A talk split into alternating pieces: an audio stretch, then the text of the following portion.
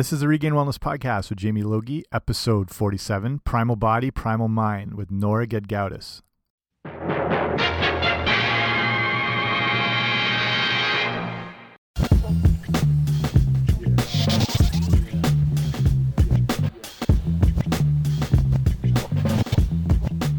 Hey guys, what's happening? Welcome back to the podcast. I'm Jamie Logie around regainedwellness.com, and this is the Regained Wellness Podcast, here to help you take back your health. So thank you for joining me here today. And I've got an absolute, um, probably the biggest influence I have as far as nutrition, um, the paleo movement, the ancestral eating movement, Nora Gedgaudas today, who's just so insightful and absolutely brilliant as far as all things to do with nutrition and how our bodies are really designed to function. Um, so I don't want to waste too much time. There's a few little audio issues halfway through, so hopefully they won't be too too noticeable. But that's it. So I want to get right to it because this is a lot of gold in this episode. So I hope you enjoy it. And here we go with Nora. My guest today is certified nutritional therapist recognized by the Nutritional Therapy Association and is also board certified in holistic nutrition through the National Association of Nutritional Professionals. The author of Primal Body, Primal Mind, Beyond the Paleo Diet for Total Health and a Longer Life, as well as Rethinking Fatigue, what your adrenals are really telling you and what you can do about it. Please welcome the brilliant Nora Gedgaudas. Nora, how are you? Thank you, Jamie. I I'm great, and it's really an honor to be here. I I love uh, the uh, the fact that I'm talking to a Canadian audience. Yes, so. I, I found out not long ago. Nora's a fellow Canuck, so I am instantly I am, bonded. Eh? Yeah, yeah, absolutely. Have a Canadian passport and and uh, all that stuff. She's legit. So I am legit. Yeah, card carrying Canadian Canuck. um, before we get into stuff, tell us just a bit about your own background and what got you to devote your life to nutrition and health and the improvement of um, all those capacities that like improve our, our lives. Right. Well, it was a really long, convoluted trail, but you know, I've uh, my my passion for the subject of nutritional sciences really spans a good thirty five years or so. I mean, it was, um, you know, really in my um, you know mid teens that um, that I kind of latched onto the topic and, like a pit bull, just couldn't let go of it. Um, and it wasn't something that I thought there was any kind of future in. It was just a passion. So when nobody else was looking, that's what I was focusing my my time and energy on. And uh, it was something that evolved over a, over a long period of time. Um, I think I started out more interested in minutia you know more interested in what the different vitamins were what the different supplements were what yeah. they did how you could change how you felt and functioned by what you uh, supplemented with and you know back in those days and probably still now there's a perception that you know vegetarianism is somehow uh, kind of the most foundationally healthy way to eat mm-hmm. which you know is demonstrably false on so many levels that it isn't even funny it was just kind of something uh, I think supplement companies actually stand to benefit from that perception quite a bit because you have end up having to supplement with so many things you can't get from your diet. Good point. Yeah. Um, but at any rate, so I adopted that for a little while. It was, um, you know, and, and, failed miserably at it, even though I was very well schooled in what I was supposed to do. It was quite bad for me. I did not do well. Uh, developed an eating disorder and all those kinds of things uh, really, really struggled with it. And then finally, just sort of feeling like a failure, said, Nope, I have to go back uh, to eating meat. And that greatly improved things for me. But I didn't have a foundational idea behind why, uh, you know, behind a, a, kind of like a core philosophy. I, I, was extremely knowledgeable about a lot of things, but it was I wasn't quite sure how to draw all that together until I came across the concept of you know, kind of looking at things from a more evolutionary perspective. And mm-hmm. suddenly it all kind of came into focus for me. Uh, stumbled across the work of Weston Price, um, had a brief fascination with some of his work, but realized I needed to dig back further. That that wasn't wasn't uh, you know current enough, uh, or I mean, it wasn't it wasn't historical enough. It wasn't uh, foundational enough, yeah. but it was close. And so it caused me to dig back further and further and further. And um, you know, it actually in Primal Body, Primal Mind, I go clear back to the primordial oceans and, in parts of it. but to figure out how it is we got to be who we are that the that the kinds of foods that would have been available to us as a species during our most consistently i might add throughout our long evolutionary history because obviously there were a lot of different foods available at different times mm-hmm. under different conditions but there were certain principles at play throughout all of that that would have certainly shaped our physiological makeup and shaped our nutritional requirements and forged us as the unique species that we are upon this planet. And I and it seemed to me an essential starting place um, to uh, uh, to springboard from uh, to as a way of determining what might be optimal for us now. But of course, just because, and of course, I'm just going off on a tangent here from your foundational question, but it's kind of how I got yeah, there. Yeah, absolutely. Uh, you know, um, I mean, real quick to finish the answer to your question, and then I'll I'll continue with my train of thought.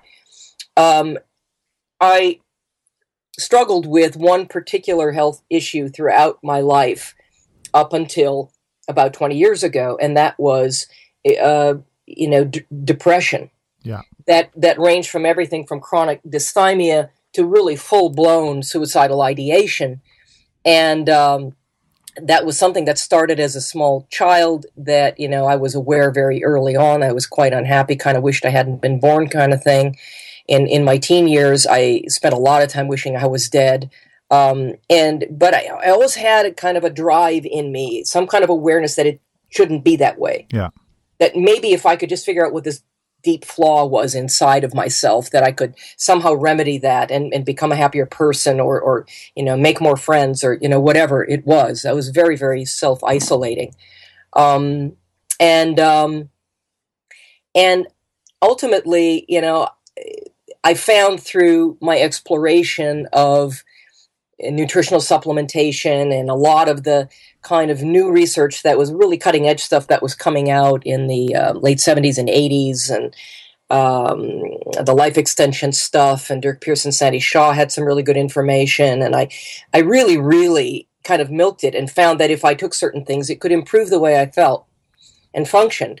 But there was this still this physiological component that was depression that that just wasn't responding to you know, many years of high quality psychotherapy and lots yeah. all this deep spiritual inner spiritual work you know sitting at mountaintops and meditating and doing all these things and trying things like acupuncture and doing you know all kinds of self-help stuff you know uh, reading tons of different kinds of self-help books and using tapes and, and I, I spent you know a week working with tony robbins and doing all these different things and everything kind of gave me a piece that was helpful in some way, but nothing really seemed to kind of get at that niggling thing right, that right. was this foundational physiological depression. And I, I knew that I could get interesting effects from from food, but I still didn't have my core philosophy yet. And then right around the time I stumbled across that, I also stumbled across something called neurofeedback, and um, which is a form of sophisticated form of highly specialized form of brain training. Mm-hmm. Um, that um, has been around for quite some time now. And it was actually through uh, my work with neurofeedback that I think the switch that needed to get flipped in my brain got flipped.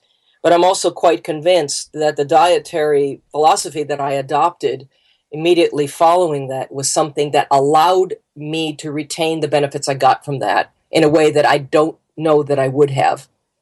And so uh, it was kind of a partnership, I think, between yeah. those two modalities, nutrition and and uh, and brain training, that brought me to a place where depression is very much a thing of the past for me. It was depression, anxiety, uh, panic attacks that were almost daily. That's all way behind me now, like twenty years behind me. Awesome. And I I haven't had to do um, you know neurofeedback to maintain that. I've been able to maintain uh, very well uh, the the benefits I got from that with the way I, I choose to eat now. So um, ultimately, I I had learned enough, I had suffered enough, and had covered enough ground that I was in a position where I felt I had something to offer others, right. and I took up the practice of neurofeedback, and and found myself incorporating nutritional approaches with clients that I found that to be highly synergistic and practically foolproof combination in getting at you know, a lot of the complaints that people came in with and a lot of the goals that they had for, uh, you know, for their work with me.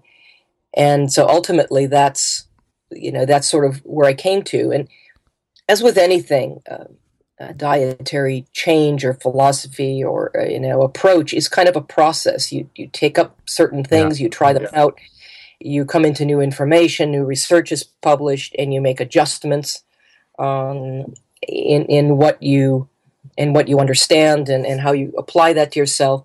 So over time, where I started out with kind of a pure kind of paleo perspective, thinking that well, if our ancestors did it, that's got to be good enough for me, and recognizing that that may not be the case. Just mm-hmm. because they were able to put something inside their mouths um, and chew it up and swallow it and not die isn't necessarily, know, or just because they were able to survive on certain things for periods of time doesn't necessarily mean in my mind that that is necessarily optimal for our health today. So the question was then, well, how would I know? And where I went with that was um, human longevity research. That the kinds of principles that that, when applied, seem to lead to greater longevity, you know, greater health markers longer term, were were the kinds of things that I found really could be combined very, very nicely with basic sort of paleo principles in a way to better optimize them and also take into account the world that we live in today, which in my mind is considerably more hostile than anything our ancestors yeah, ever had to yeah. put up with. Um, certainly from a toxicity perspective and from the standpoint of how challenged you know our food supply is now. Mm-hmm. you and i ranted about that for about a half an hour before we started here. And and we have to take those things into account i think in a way that our ancestors didn't. And, and and modify so what i've done is i've modified some of those principles to better optimize them based on longevity research in the world that we live in today. And that's how i got to be where i am now. Awesome. You, you mentioned weston price so, oh yeah, yeah. No, perfect perfect you mentioned weston price who i'm fascinated with who's kind of um, if people aren't familiar with him, you kind of consider him like the Charles Darwin of nutrition almost. And his book, like Physical Degenerations, like the that's the, really cool analogy. Yeah, he's kind of like that book's kind of like the origin of the species. I've done a show on him, and he's actually Canadian, which most people didn't know. And uh, I think he's yeah, set, yeah. I think he's set up in. Uh, he moved to Ohio and set up in Cleveland. And Cleveland lost the NBA Finals last night, so that's sort of bad timing. But he, so he's looking at um, the you know how the the diets of the kids of his patients, he was starting to see obviously like the tooth decay and the problems that his his original um, patients weren't suffering from, and he was looking at the obviously the diet had an issue, and this is back in the 30s where you right. know the foods they had would be like superfoods compared to today, you know, before like high fructose corn syrup or artificial sweeteners. So like he, he went all around. I'll I'll put the link for this episode just talking about the history of uh, Weston Price.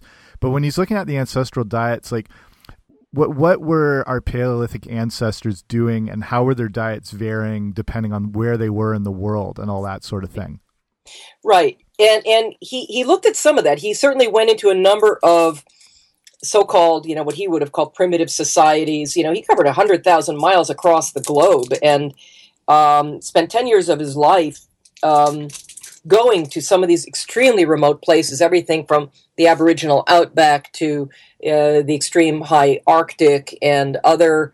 You know, North American Native people groups and South American Native people yeah. groups and Africa, and but he also looked at a lot of traditional societies that were still kind of living a very eating a very traditional pastoral kind of based diet um, that had maybe been isolated for a while. So places in northern Hebrides, you know, remote Celtic Isles, and and and and uh, like the Lötschental Valley in, in Switzerland, and and and different places like this. And he found some principles that were quite consistent among all these things, even though the the actual dietary inclusions were extremely different from yeah, place to place. Yeah. But certain principles certainly applied, and a couple that are the most notable for me are the fact that that they to a letter they all consumed as many animal source foods as were available to them. And in addition to that in every single one of these societies the, the most sacred foods the most important foods of these cultures were fat mm-hmm. based. You know were, were the highest in in fat in some way shape or form.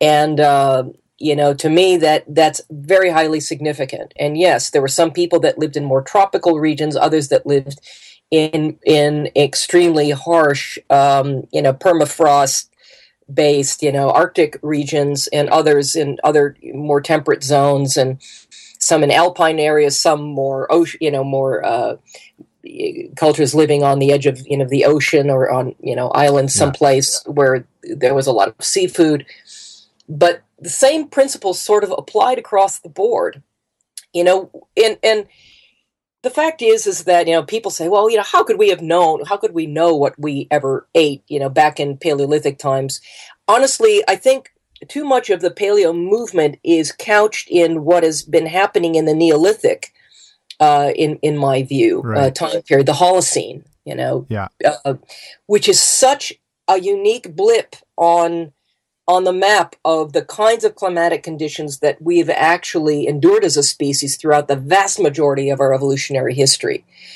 We've lived through many, many extremes, literally um, 90 different periods of, for instance, glacial advance, which, you know, these active, you know, ice ages aren't just about ice and snow, they're about real extremes of of climate change and temperature fluctuations and um, and shifts in in uh, for instance the availability of, of many foods yeah. and during these you know 90 periods of advance a major advance um, we've actually spent more time actually in those t- tumultuous periods than we have uh, in the more temperate periods and you know, during the last, for instance, in the throes of the last ice age, where northern North America was locked in snow and ice, and southern South America was, you know, was glaciated and whatever else, Africa was being ripped apart by drought and wildfires yeah. everywhere.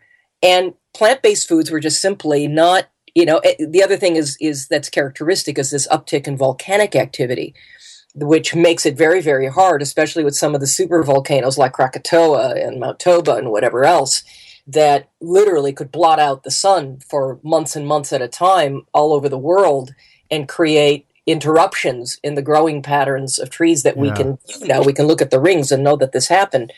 Um, and uh, you know it, what would it have taken for a species to survive that to make it through? Under all kinds of unpredictable and extreme conditions. Yeah and the fact is, is that you know we have a lot of evidence from the fossil record. You know, using stable isotopic research, for instance, the uh, Max Planck Institute for Evolutionary Anthropology in Leipzig, Germany, and a, and a researcher by the name of uh, Professor Mike, Professor Michael Richards has done a tremendous amount of work in exploring um, the the ancient remains from you know ancient burial remains and fossilized remains of, of, of humans throughout various periods. I mean, uh, countless periods of our evolutionary history. What what has been discovered consistently across the board is that we have not only been carnivores throughout our evolutionary history, we've actually been extremely high level carnivores, and in fact, higher level carnivores than bears, wolves, foxes, or other carnivores of those time mm, periods, yeah. you know, saber toothed cats, etc. That we are absolutely designed to be eating a diet that is based in animal source foods. And um, one of the things that's sort of forgotten is that, you know, throughout from two and a half million years ago up until about 11,000, you know, 500 or so years ago, when the last period uh, of of uh, of you know when when the last glaciers really kind of melted off, and it, there was a rather abrupt climate change that led us into what we now know as the Holocene. We actually had a you know we were preying upon um, megafauna, Pleistocene megafauna. And there were, you know, dozens of species, if not hundreds of species of megafauna throughout the world that um, we were cunning enough to have the technology to take down. Yeah. And these were animals that had a tremendous amount of fat on them um, that we undoubtedly relished. And uh, we, you know, we had the ability to to do that, whereas bears, wolves, foxes, etc., probably would have a little harder time bringing down an animal like that, and you know, likely they, you know, they were after you know slightly smaller game, um, and so, you know, ever since the end of the last ice age, we shifted to a dependence in our hunter gatherer societies anyway, a more uh, on smaller animals and more lean animals. And I think you know some of the early work in the uh, history of the you know kind of the paleo diet movement really focused a lot on you know uh, lean meats and things like that. Yeah. Kind of in keeping with the uh, you know the all the dietary guidelines and and the perceived I you know dietary heart hypothesis which we now know not to be true and um and i think it's a mistake to base everything on just what we've done in the last just what um primitive cultures have done in the last 10,000 years yeah can you speak a bit more on the issue of like how important fat is and you know you know wars were fought over pemmican and and things Right. like that. And and absolutely it's been so so embraced like i live in southwestern ontario and i live right between lake huron and lake ontario. They're like a, or sorry yeah lake erie. They're like an hour all around me. And they were left over from the glacier period. You know it's one of the largest like freshwater sources in the world. And and you look back and you see the the history of indigenous populations and you know taking down woolly mammoths and you know making houses out of them practically. And we like Right. well they literally did that yeah, yeah, they actually yeah made it. And uh, um yeah. a lot of the um their their populations were based around the fat. Can you just talk about like what happens when we're not getting enough fat why we need it and and kind of why we need more di- dietary fat today more than ever Right. Well, one of the things that is so so incredibly true is that even neo, even among Neolithic cultures. So I mean, we're we're I, again we've been evolving from about two and a half million years ago, which by the way was the very beginning of what was called the Quaternary Ice Age, which we're still living in today, Mhm. which consists of these periods of glacial advance and glacial retreat, roughly eleven thousand five hundred years apart, and there are cycles within cycles within cycles, and there's sunspot activity and all this. Something called the Milankovitch cycle um, has been mapped out now, and it, there really isn't any debate about what these cycles have actually looked like, and the fact that they tend to be solar uh, driven. Um, and and at any rate, you know, we are ice age beings, all of us. Fat to our underlying physiological makeup literally means survival Mhm. and um, and it was, you know, our consumption. I think of these massive amounts of fat from these large, extremely large animals. I mean, an, an average woolly mammoth has roughly four inches of subcutaneous fat. You know, Yeah. and uh, uh, you know, and and of course we would have broken into the bones, and we would have broken into the brain casing, and we would have eaten every scrap of what was there, and it would have been a very very high level of of fat. Um, and but our once we lost access to that extremely fat rich um you know sort of animal Mhm. although there were still elephants and things like that which even among you know neo-paleolithic cultures they all revered and coveted sources of dietary fat across the board. Yeah. And as I pointed, like the plains and northern Indians, as we you just mentioned, they used pemmican, over which literally entire wars were fought. And the Lapps and the Sami and the Siberians uh, valued reindeer fat. Uh, marsh Arabs, you know, in the in the Middle Eastern deserts, and the Berbers, they they relished and valued camel fat. Uh, the Canadian tribes, of course, were very big into moose fat and, Mhm. and caribou. Um, coastal Salish tribes used oolichan grease on pretty much everything, and still do actually. Um, the Inuit, of course, were eating large amounts of seal and walrus and whale blubber, um, and the Innus of northeastern Canada were, you know, were gobbling up caribou fat, and Aborigines in in Australia were, you know, emu was like the the coveted. Uh, was the coveted form of fat along with the sort of those fatty white grubs, the witchetty grubs and things like that they dug up. Um, I mean, as gross as that sounds, a very, very viable fat source. Fat was like the main thing. And, you know, the, the Maasai in Africa, they consumed all this high fat, you know, kind of raw milk. and um, and you know we would have eaten egg yolks when they were available, and of course organ meats tend to be richer oftentimes in fat uh, soluble nutrients.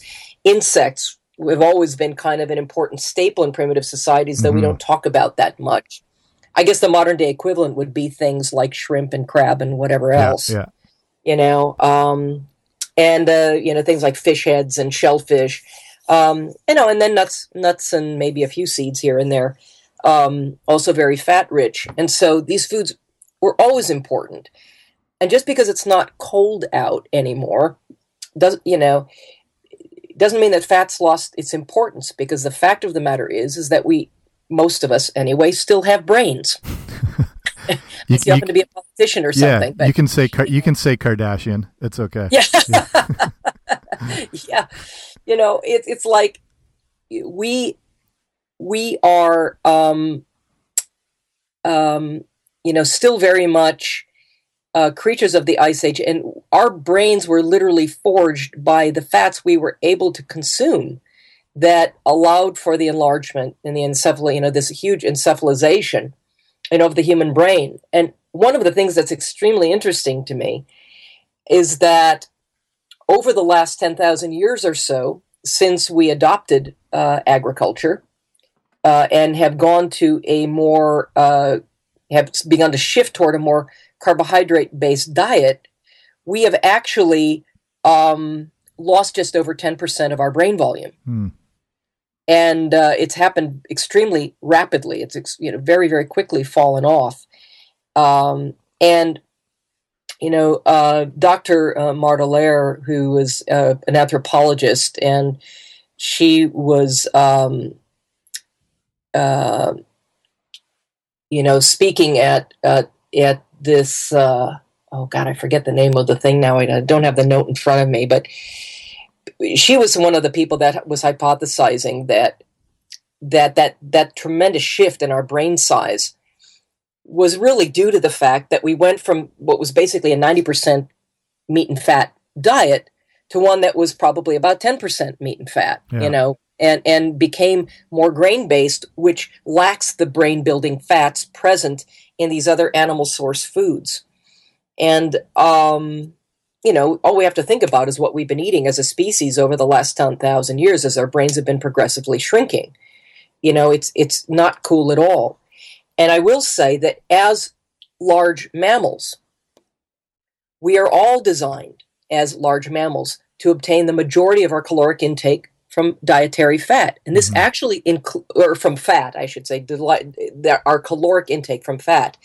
This includes things like cows and goats and deer and elk and all of these kinds of things.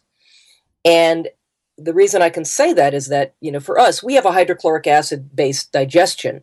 And so we're designed to get fat directly from the animals that we consume. However, other large mammals, um, for instance, uh, like again, like cows and elk and goats and things like that, derive their even though they're eating carbohydrate based foods, they're eating cellulose all day long. Uh, their faces are in the bushes, in the trees, etc., etc. Where they're actually getting their calories is from short chain fats, short, short chain saturated fats, I might add, from the bacterial fermentation of that cellulose in their gut. Yeah.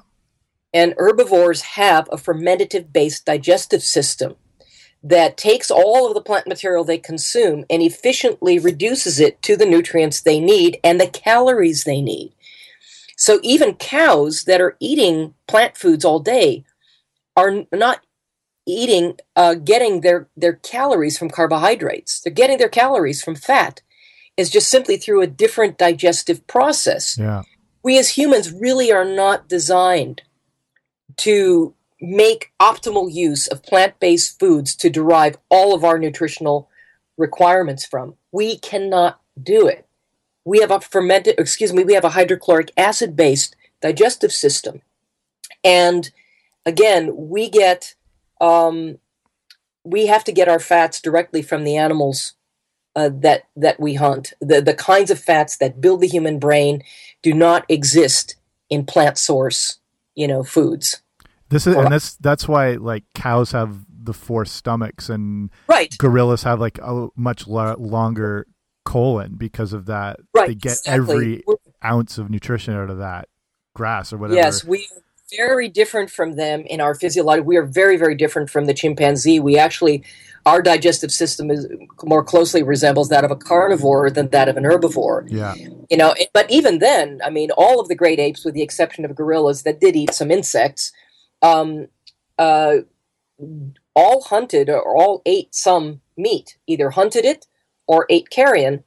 But that was, you know, typically a pretty small part of their diet, but it was something that they all did.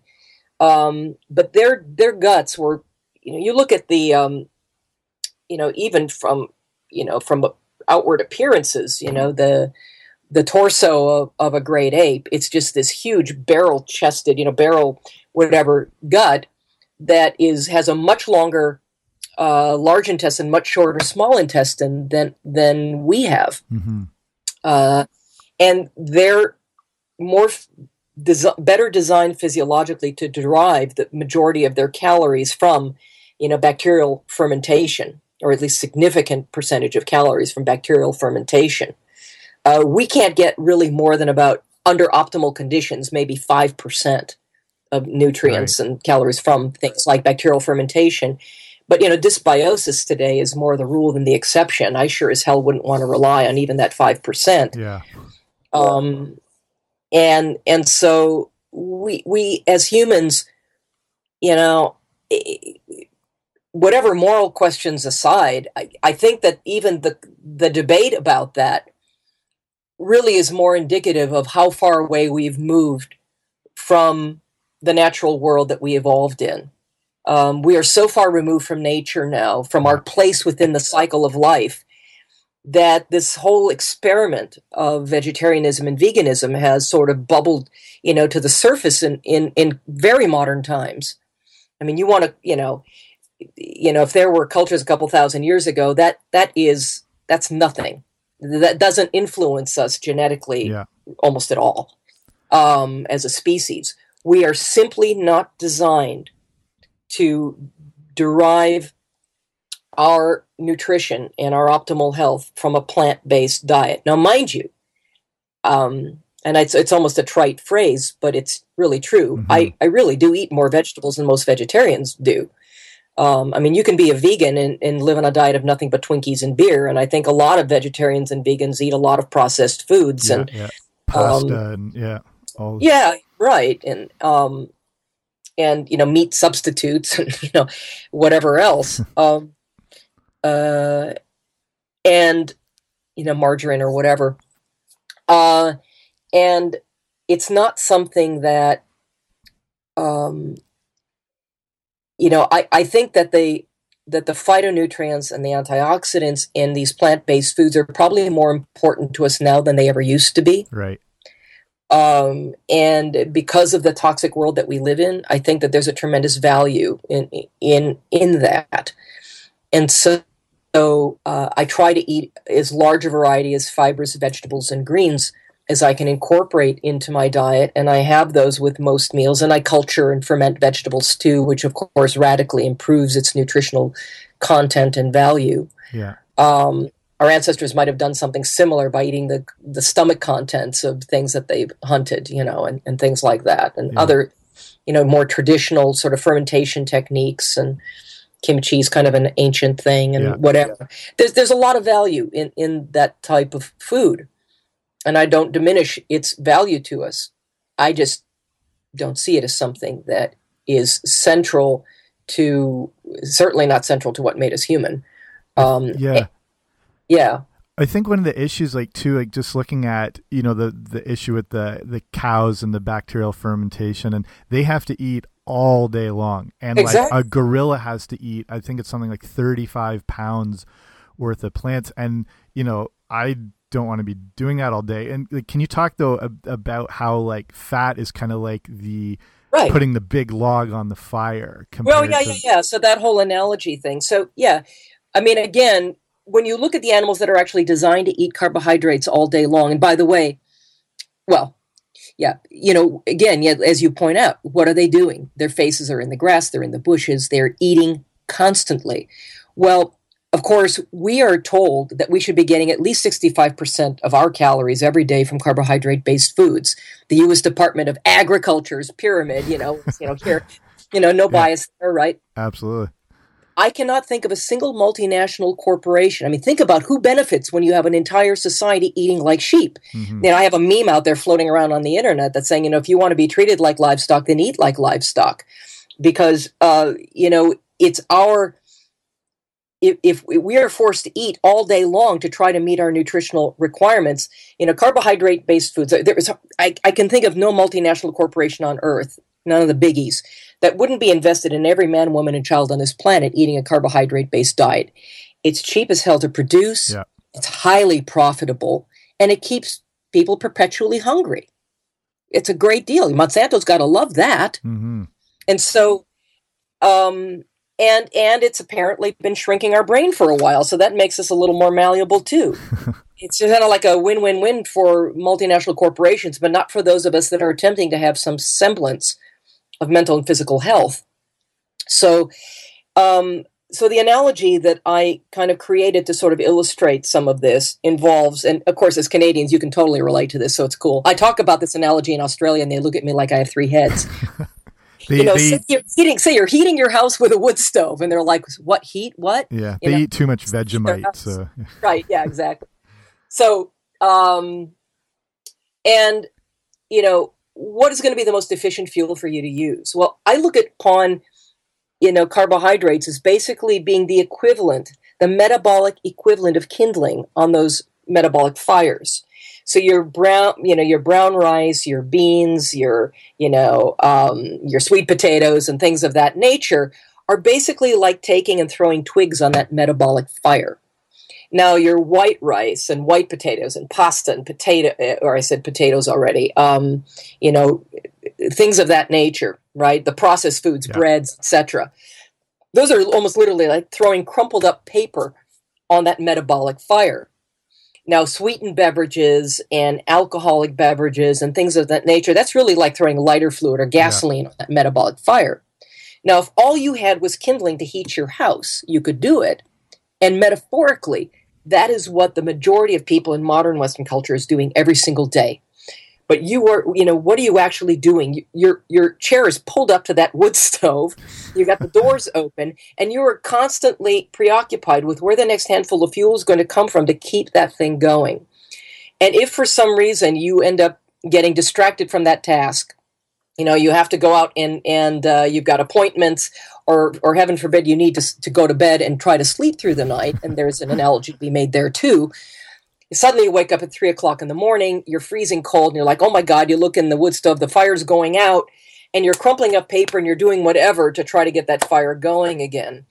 It, to me, it's literally almost a form of enslavement. Yeah. Yeah. And and it's the reason that so many people crave carbohydrates constantly. It's because they are metabolically adapted in a rather unnatural fashion, I might add, to a dependence on carbohydrates as a primary source of fuel. But of course, nature isn't stupid enough to force us to depend on glucose as a primary source of fuel. I know that's what people are told. We all have to have glucose. That is only conditionally true. It is only true if we have metabolically adapted ourselves in an unnatural fashion to a dependence on glucose as a primary source of fuel. Mm-hmm. But what's the other option?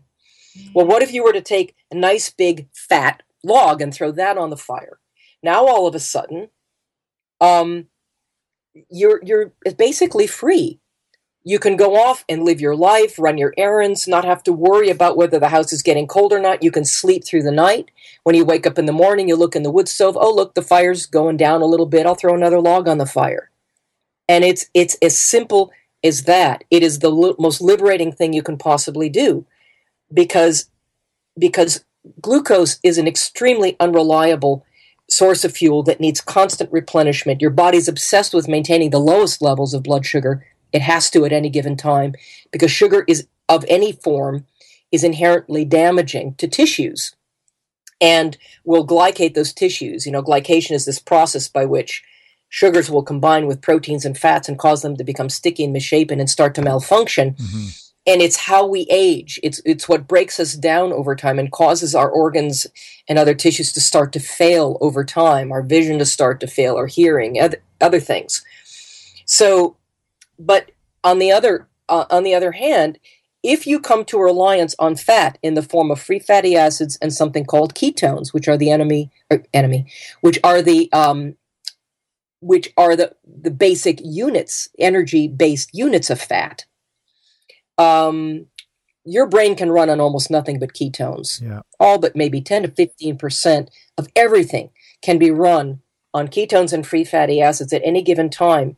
And it's an extremely, we all have, even the thinnest person listening to this podcast right now, probably has close to 100,000 calories worth of fat stored on their body at any given time.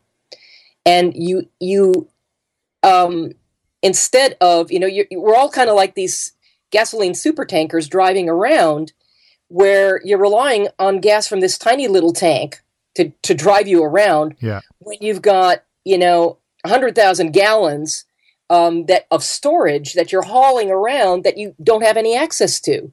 And, you know, periodically you break down by the side of the road or have to stop at the gas station all the time to fill back up again because you haven't figured out how to tap into that super tanker that we all have. Once you do that and you make that metabolic transition to a dependence on fat instead of sugar as your primary source of fuel, then all of a sudden now you have an unlimited availability virtually. I mean, you know, person could live for a month or two on just their fat stores alone. I'm not saying that everybody should do yeah, that, yeah. but it's possible to do that. Um, how can how can people two thousand calories worth that we are able to store of glycogen in any at, you know at any given time? Yeah. How can how long can that transition take, and what are kind of like the steps to get into more of that um, right. State? Well, and it, and it might differ a little bit for different people. Some people just make that transition, and it happens very quickly, and it, it's it's you know, without a lot of fanfare or, or problems. And they're just sort of there, and it's this almost instant miracle. For other people that have been not only dependent on sugar as a primary source of fuel forever, but in a really dysregulated way. Um, and uh, and I can talk about how you know if you're one of those people or not in a second. But yeah you know it's it's a bit more it may require some some temporary supplementation like training wheels to kind of get you through that process in my experience it takes anywhere from 3 to 6 weeks to kind of make that metabolic conversion from rocket fuel to diesel you know mm-hmm. i see sugar is basically our body's version of rocket fuel it's there it, it's an anaerobic fuel it's designed to burn outside you know most efficiently i should say outside the presence of, of oxygen so either uh, you know, it, it's a fermentative type of fuel. So um, typically, if we're you know, trying to outrun a cantankerous woolly mammoth or a hungry saber-toothed tiger, sugar comes in mighty handy in those moments to give us that burst of rocket yeah. fuel. You know, that our stress hormones basically cause that surge of blood sugar that allow us to hopefully outrun that kind of threat. Um, or, for instance, you need to uh, a Herculean sort of burst of of exertion or strength in some way.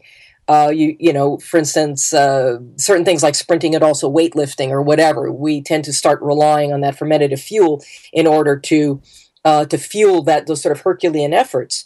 But you don't need a Formula 500 race car to drive to and from work every day and mm-hmm. take the kids on a cross country trip.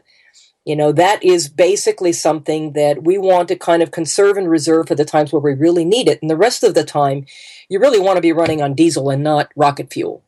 Um, you know, you really want to run on an engine that is running hot all the time. It's not, it, you know, it's not a vehicle that you would want to rely on or an engine that you would want to rely on long term. It's an engine that tends to burn out faster. Yeah. I think it's interesting that a lot of um, you know high level athletes have adopted this approach now in like professional sports and and just and just proof that this form can work good. I think the guy who just set the world record for one of the Ironman triathlons was on like a ketone based diet, so primarily primarily fat. I don't doubt it. It is the ultimate endurance yeah. fuel.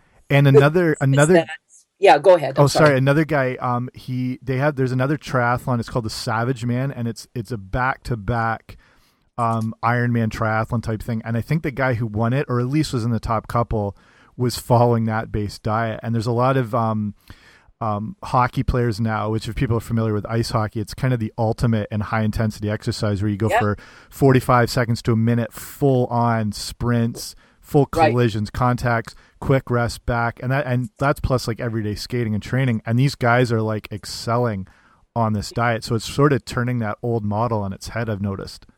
It is, and I think the reason it took so long to get there is that it takes a period of time, you know, six to eight weeks maybe, for an athlete to fully kind of make that metabolic conversion to where they're noticing now not just a return to performance, but an enhancement of their performance over what they had before. In the short term, it's going to feel worse for almost sure. Yeah. I mean, the average, you know, couch potato will probably feel better by the second week, you know, in terms of, you know, adapting a little bit better and not feeling so fatigued or, you know, having weird blood sugar symptoms, etc. But if you're really trying to exercise, and especially in a uh, you know you're you're an elite athlete and you've got a training regimen, you're going to hit a wall really fast in the first couple of weeks of this sort of transition. You have to be patient with it. If you give it enough time for your body to to make that transition, you will suddenly find a liberation of your of your potential that you just never even knew was possible.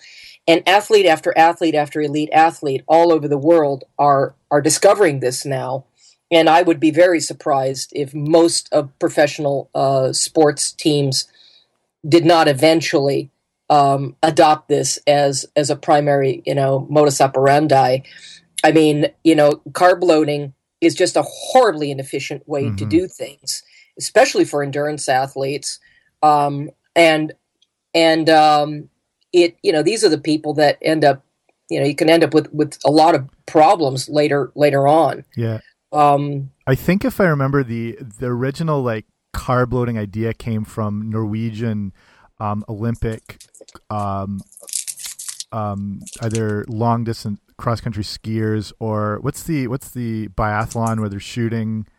Mm. What, I mean, so I mean, the endurance for that's incredible, and I but I think if I remember the the research, they were following a lower carb diet already, and then they were just sort of experimenting with that idea of carb loading and uh-huh. it was but it was only for that day or two. The rest of their year was that lower carb base so now the, i think a lot of people have embraced that who are you know they might just be running like a, a 5k or whatever and and they'll carb load off and on and whatever when it's already these like elite elite athletes were already f- following i think that goes back to the 70s or whatever. I'm not entirely sure with that right. information. And i mean I, lebron james was um, following going into the season that was his new mode. I don't know if everyone saw pictures on Instagram. He was looking so much leaner going into the NBA season because he was adopting this new diet. And people can talk crap about him, but he just carried his team on their on his back for this entire series. If you're a basketball fan, you know what I mean. So when the, one of the top guys in the world is able to embrace it, it's you know worth noting.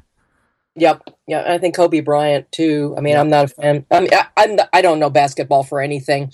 I mean, my, my, my ethnic background is Lithuanian. We're supposed to be the world's best basketball players, but I don't know. In my past lives, I don't think I, I ever touched basketball. So. Yeah. So you just, you look at these sports when they're played at the highest level where it's, you know, people would be astounded to think like, how have you not eaten like nine plates of pasta because you're running up and down a court for an entire game involving right. sprints involving high intensity, like up and down, like squatting motions, boxing out, moving these right. giant men around. So you know what I mean? It's just it's fascinating to see this being adopted by like these are pro athletes. They just want to do what works. You know yes, I mean? a fat-based ketogenic approach is going to preserve your lean tissue mass and actually enhance it. You're going to lose less of it, right? Because yeah when you're when you're dependent on sugar, your body becomes really efficient at turning other things into sugar, like protein, like mm-hmm. your protein stores in the form of muscle, and of course your organs and your bones are have a lot of protein as well. Um, and so, um, and yeah, the, the idea is that it's very glycogen sparing. You, you are able to kind of have those glycogen reserves as as you need them, um, and then they're available to you at those peak moments where you have to have it but the rest of the time, you don't have to be squandering all of that on uh, on your on the, on the rest of your performance, and and uh, that is you know some of the the magic behind all of this. That ultimately, it is the ultimate peak performance fuel. And for people that are, you know, constantly struggling with cravings and everything else, you find ultimately, which I used to do too back in the day, um, that ultimately when you sit down to eat a meal, it becomes more of a choice. It's easier to choose healthy options mm-hmm. because you're not in a state of low blood sugar desperation when you sit down to eat. You know, one of the one of the little tests I like to give audiences to help them figure out whether they've got a blood sugar problem or not is to ask a couple different questions. The first question is if you go for say 6 or 7 hours without eating, you know, how are you doing with that? What yeah. are you noticing in the way you feel and function? Are you feeling more fatigued? Are you feeling you know, kind of anxious or irritable or jittery, or maybe that little thing that rhymes with itchy. um, or twitchy. you know, yeah, twitchy, yeah, exactly, yeah, yeah. Um, and and then the second question is, how do you feel then after you've finally eaten? Do you feel immediately better? Do you feel more energized, or do you feel more like taking a nap? You know, and you yeah. just want to unzip your pants a little and kind of tuck your hand in your belt and and fall asleep on the couch, you know, in front of celebrity bloopers. Yeah uh, what is it you know that that you notice in your energy levels well if you've answered yes to any of the things i've described you've got a problem none of that is normal the only thing you are supposed to experience when you haven't eaten for a very long period of time is you're supposed to be hungry and that is all mm-hmm. and once you've eaten the only thing you are supposed to experience following that meal is that you are not hungry and that is all and any of the other big shifts in the way you feel and function are not supposed to happen in that way. It is not normal simply because it is common. So it basically means there's a blood sugar issue. Blood sugar is running your life. You're living on kindling. Yeah. You're enslaved to your metabolic wood stove. And as you mentioned, and as I frequently mention, I've got way better things to do with my time than be preoccupied with that all day yeah. long. I think like I recommend this for like people I've trained and just on the show here about making that switch like if i have a you know focus on like a salad i'll have like spinach with you know some good free range chicken but it'll have olive oil for dressing avocado egg right like i'm good for like half a day you know what i mean and i can right. eat a lot I, i've been an athlete my whole life like if it's coming down to like pizza or wings or like I'll eat you under the table. But this like a meal like that and like others I've had doing that, like you're good for like eight hours sometimes. It's that it's slow true. burning log. I mean, I can do just like a little bit of breakfast meat or something, or or not. Sometimes, I mean, I wake up. It's like now people with chronically low blood sugar. Sometimes they're so operating on adrenaline in the morning mm-hmm. that they're not hungry. Their blood sugar is up by virtue of their adrenaline being up. You know, yeah, because yeah. very frequently uh, people with dysglycemia frequently also have very highly aroused nervous systems. They don't even know how they feel, um, and they they'll go all day long without eating, and then they'll eat like a donut and uh, drink a big cup of you know Venti Starbucks or something like that, and they think they're good. Um, that's extremely unhealthy. Yeah. But when you're when you're adapted to a, a metabolic a healthy metabolic dependence on fat as a primary source of fuel. In other words, your body is adapted to that. Um, again, eating becomes kind of a choice. And in the morning, I might be okay still. I mean, yeah, may yeah, not exactly. be. Um, if I am, you know, I might have a little uh, breakfast meat sauteed in a little duck fat or, you know, whatever, or have some sliced avocado with that. Um, and I can go till, you know, one or two in the afternoon. And then I'm thinking, eh, it might be nice to have maybe a big salad and, you know, and some and some fermented uh, vegetables, and uh, you see there's some sliced, you know, meat or chicken or something like that on that with the olive oil and you know whatever have you, and you are just so not hungry after that. Yeah, it's amazing. It is, and and I can run just fine. In fact, I I haven't had breakfast today. I feel absolutely fine. It's twelve thirty, and you know I'm uh, where I am anyway. Yeah. And I'm fine, absolutely fine. So a lot of our meals to me are based around obviously based on the clock, which I think they call abstract time, where you're like, you know, the the hands are pointing at this, that means that must be a meal. But that's you know what I mean. Our body doesn't know necessarily. It's eight thirty, right. oh, it's time for a Danish. You know, it's you just run on how you've been running. Um, I'll st- start. Well, the way we're, you know, th- this way of eating also is much more focused on nutrient dense foods. In other words, the foods that we are eating are really, really packed with uh, with a lot of dense nutrition, as opposed to lots of empty calories, where you're having to eat and eat and eat to try to meet n- your nutrient requirements. Because I think we can become starved for nutrients yeah, as well. Yeah, yeah. And people that are eating a lot of processed foods, I think, literally starve their way into a state of obesity. Um, you know, nutrient starve their way into a state of you know obese caloric obesity because you know they feel like they have to eat constantly. And that's a carbohydrate thing but it may also be a, a nutrient deficient thing. So but the, the only rub i would say is that that eating becomes so much of a choice that i find i have to really pay attention to make sure that i'm eating uh, enough food and enough of a variety of foods so that i'm meeting my nutritional requirements. Um, just to be sure because it's easy to forget to eat. It's yeah. easy to go without. And you know we do you know need to be getting that full range of essential fatty acids and, and fat soluble nutrients and minerals and all these other things. And i you know I do a pretty good job of that. But people will say well i'm just not hungry. I don't eat more than once a day. And it you know, when you're eating a fat based diet, you're actually probably eating fewer calories than you ever did on a mm-hmm. carbohydrate based diet. Right, right. Because fat is inherently very satiating. You get satisfied very quickly. It speaks directly to the hormone in your body that runs everything, and that's leptin. Leptin is a fat sensor. And when there's enough fat, your brain assumes that hunting is good, and therefore you don't need to hang on to fat, and you also don't need to eat more fat than is coming in, as yeah. long as it's coming in. Um, and so it's easy to not be hungry. Uh, and uh, th- you know that's really the only caveat I would offer um, with respect to that.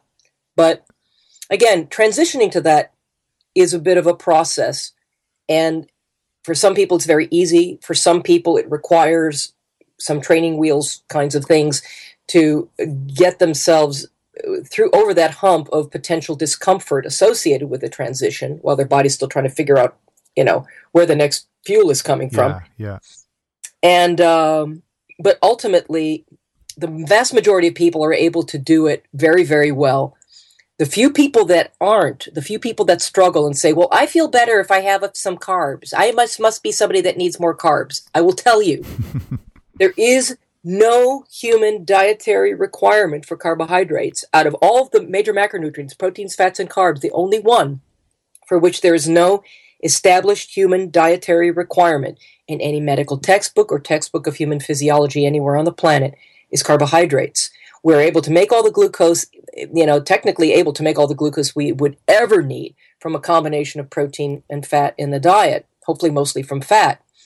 Um, however, there are people, for instance, one of the ways in which we are able to bring our blood sugar up at times where we actually need some glucose, and we, you know, do need a little, um, is usually with with things like cortisol, yeah. uh, for instance. And there are people that have issues with um, their ability to produce enough cortisol. And whether that's through adrenal autoimmunity, whether that is through some chronic infection that is impairing their ability to uh, release sufficient cortisol um, uh, or some other inflammatory process that may be interfering with that. The underlying problem is not a carbohydrate deficiency ever. And by using carbohydrates as a way of making yourself feel better, uh, might be okay in the short term, but it's like using a band aid or an aspirin when what was really going on underneath all of that is being ignored um, to long term detriment that you've got to dig deeper and figure out why. If you're not able to produce sufficient cortisol, for instance, to keep your blood sugar levels healthy to where what you know to, to the bare minimum that you need, you've got to figure out why that is. Yeah. And my book Rethinking Fatigue, you know, goes into that, deals with that issue.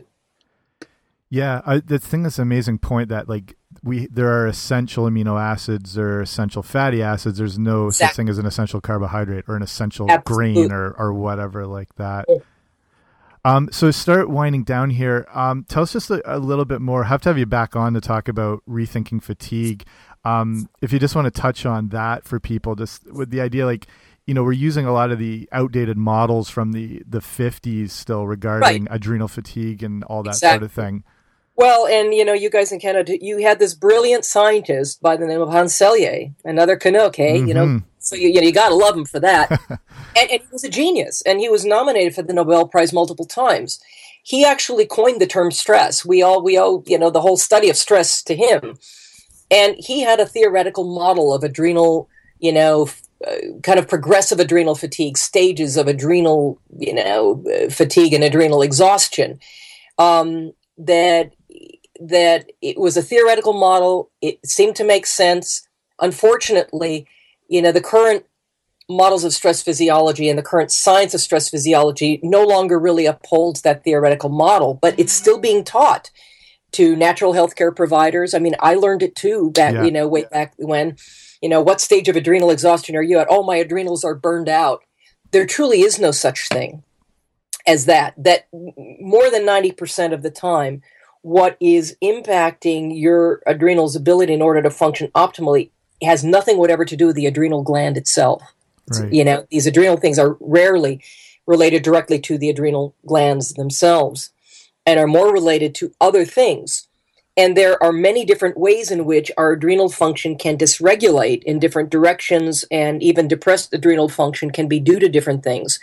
What I did with Rethinking Fatigue in a nutshell is I broke it down based on the type of adrenal fatigue a person might think that they're experiencing, the type of um, adrenal related issue, shall we say, that Yeah. a person might be experiencing. And I provided um, a way of helping people identify which thing applies to them or which combination of things apply to them. And then, based on that, offer. I mean, this is the first book, I believe, that has taken the subject of adrenal dysregulation and truly brought it into the 21st century hmm that has that has finally advanced it from that 1950s model that every other book on adrenals is more or less based upon and has brought it into the light of modern day science modern day stress physio- uh, physiological science and helps kind of identify what are the different patterns and then once you've identified what that pattern is for you what specifically you can do in order to address that and support it in a way that will help you and I wrote the book with the idea that I'm no longer really able to take personal clients anymore in Yeah. mind.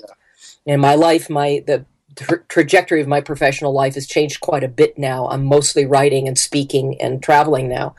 So um, I really wanted to be able to create something that would take what I understood about that topic and cram it all into this thing that was really practical and could be helpful so that when the person comes to me, it's like, well, I can't work with you, but here's what I would have told you. right. right. Here you go, have at it. You know, and, and so that people have something that they can use as a tool of self empowerment. That is my passion is to see people empowered with the information they need to be able to run their own lives and not depend on me, not depend on a bunch of pills or, you know, God knows what else yeah. in order to feel and function in an optimal way in this world. That's what gets me up in the morning. So awesome. Awesome. So, um, yeah, definitely have to have you back, and we can go full into uh, rethinking fatigue. So that's available as well as Primal Body, Primal Mind, both on Amazon. yes, Yeah. they're both available through Amazon. Uh, if a person decides to purchase these things through my website, uh, I get a little extra, tiny little extra consideration Yeah, for that. nice. Do that. Don't pay Amazon. They take ridiculous percentages. Yeah, well, so- you'll go, you'll end up at Amazon, but I, but if you get get go to Amazon through my website, through the link on my website, I get a little extra credit Yeah. for that. That's, mean, that's the way you- to support authors. Do it like that. Right. I mean, unless you're J.K. Rowling or Stephen King, you do not make big bucks selling books. And and for me, it's you know, if I'd have if I'd have written anything I'd written as as with profit in mind, I'd I'd actually have some.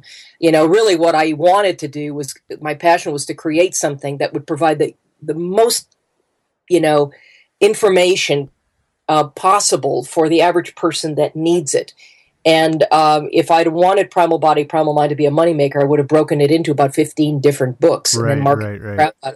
Crap out of it. It's not written with marketing in mind. And I make like 50 cents a copy on that book. It sold unbelievably well. It even spent a whole week at number one on Amazon, actually, in all the health related categories, and number eight in books overall on Amazon. So it's done quite well. But um, I won't say that I'm necessarily living the high life because you know, uh, you know, based on the you know the royalty checks I get yeah, from yeah. that. So where can where your website? Where else can people follow you? Like social media, all that fun stuff. Right. So I've got a uh, public Facebook site, um, and uh, and there's also a private forum that's you know by invitation only, uh, usually by through people who are already on that. Um, and uh, I have my my primary website is primal body hyphen or dash primalmind.com. And what I encourage people to do is sign up for the free newsletter there. Now, I'm not tricking you into giving me your email address so I can spam the crap out of you and sell your email address to the highest bidder. I'm really passionate about people's privacy and not wasting people's time with a bunch of crap that they don't need. I don't send out newsletters very often. When I do, it's because I have something to say or something to offer that's that's valuable and interesting. And so I, you know, and I'm very protective of people that that provide me with that personal information. So you're it's safe with me. Um, and uh, if you just go and you sign up, um, then you will very not very often, but periodically you will receive uh, you know newsletters and, and information from me. And again, I like to think that it's you know really only when there's something valuable to offer. Um, and uh, that's probably the best way to go about it. On my website, also, there are a ton of free videos. I used to have my own radio show, and there are a ton of free podcasts available there for anybody to listen to if they want. And, and it's still really highly ranked on yeah, iTunes. It's I was way up there all the time. Yeah, it's like crazy, and I, I haven't had that show now for a, for a couple of years, but it's it's still doing really well. So, um, and uh, yeah, I'm very I'm very proud of that. I worked really hard on that. Um, cool. I'll put the links to all this stuff and so yeah. your, your social media. And oh, also, I will add one more thing to this. Yeah. that I am also partnered with.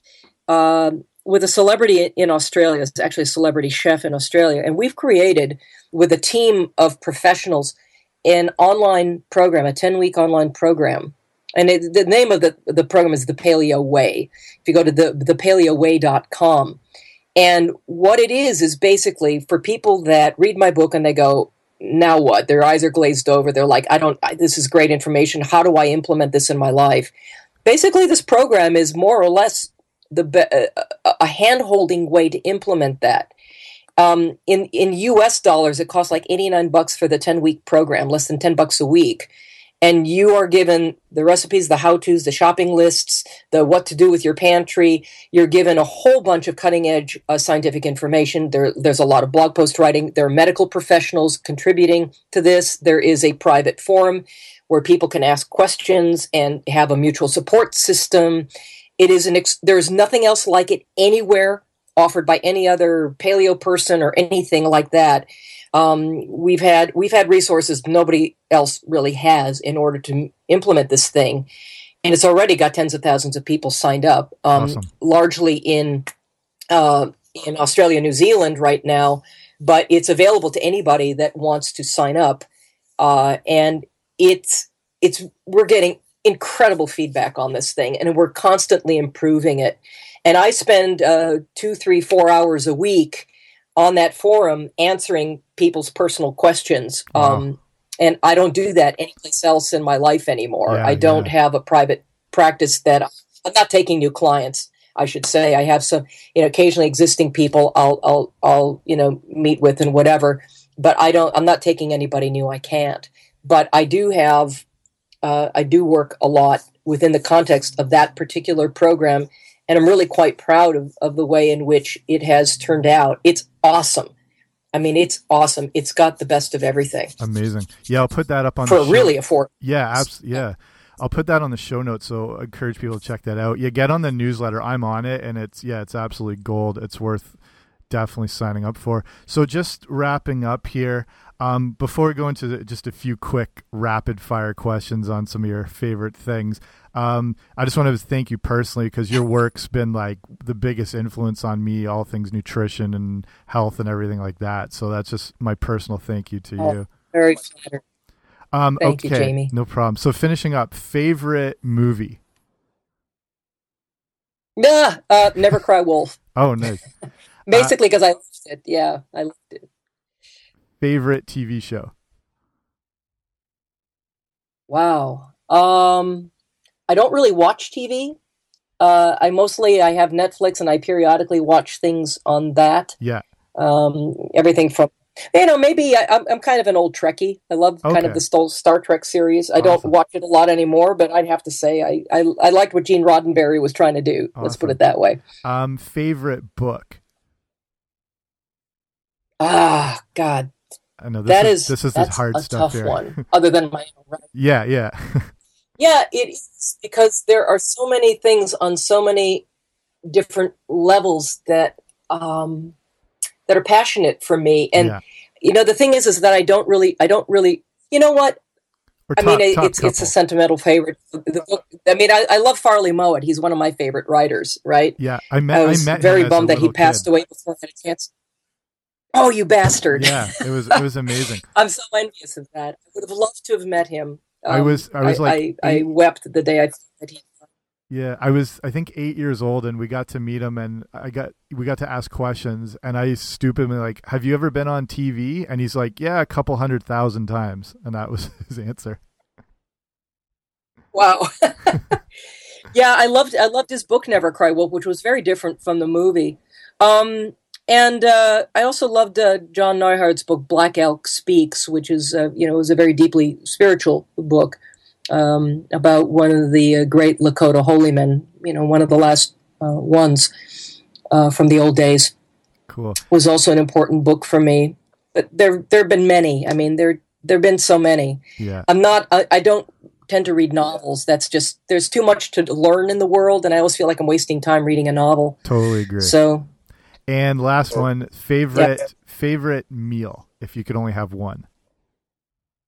oh man, I've got this list. Like if there was a meteor coming hurtling toward Earth, and I only have one last. You know, uh, I I love uh, duck and goose, and I love you know rack of lamb, and I, you know, if I could find a clean source um, of lobster and um, and uh, you know the the uh, meteor was hurtling toward Earth, and I was going to die anyway. I could I'd put a bunch of melted butter on it. I can't do butter anymore. I have a, a sensitivity to dairy protein, but um, you know, it would be kind of along those lines. Um, there are just a few, very few things like that, and um, yeah, you know, uh, I I love you know wild wild game. Um, I'm less less into seafood, uh, which is just as well nowadays. Yeah, But um, less into seafood than I am a lot of uh, a lot of these other kinds of kinds of meats. But uh, even if even if I thought I was going to die, I'd still be reaching for the kinds of foods that I uh, that I eat now, Yeah. as opposed to you know I'm going to eat pizza for my last meal Yeah. or something. You know. awesome. uh, th- thank you so much for doing this, Nora. Oh, you're so welcome, Jamie. It, it's it's been a pleasure. I know I've tucked your ear off like an auctioneer for the last hour, but Love it. you know, I it. feel like there's just so much to share and never enough time. So I'm happy. I'm happy to come back. Awesome. Thank you so much. You're so welcome. Okay, that was amazing. I really want to thank Nora again for being able to do this show.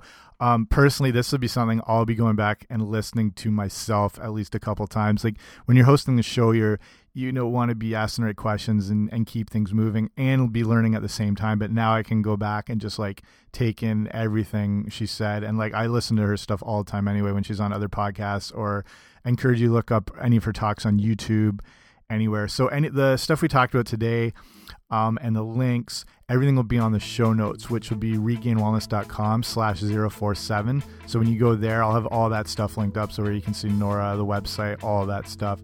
So thank you so much for joining me here today. Um, really appreciate it. Hope you learned a lot. Please subscribe on iTunes if you haven't already. If you have time, leave a rating and review as well. That really helps. And um, with your whole health pursuits, with your own um, process towards better health, better nutrition, better wellness, remember in the long run, it's about progress and not perfection. See you next time.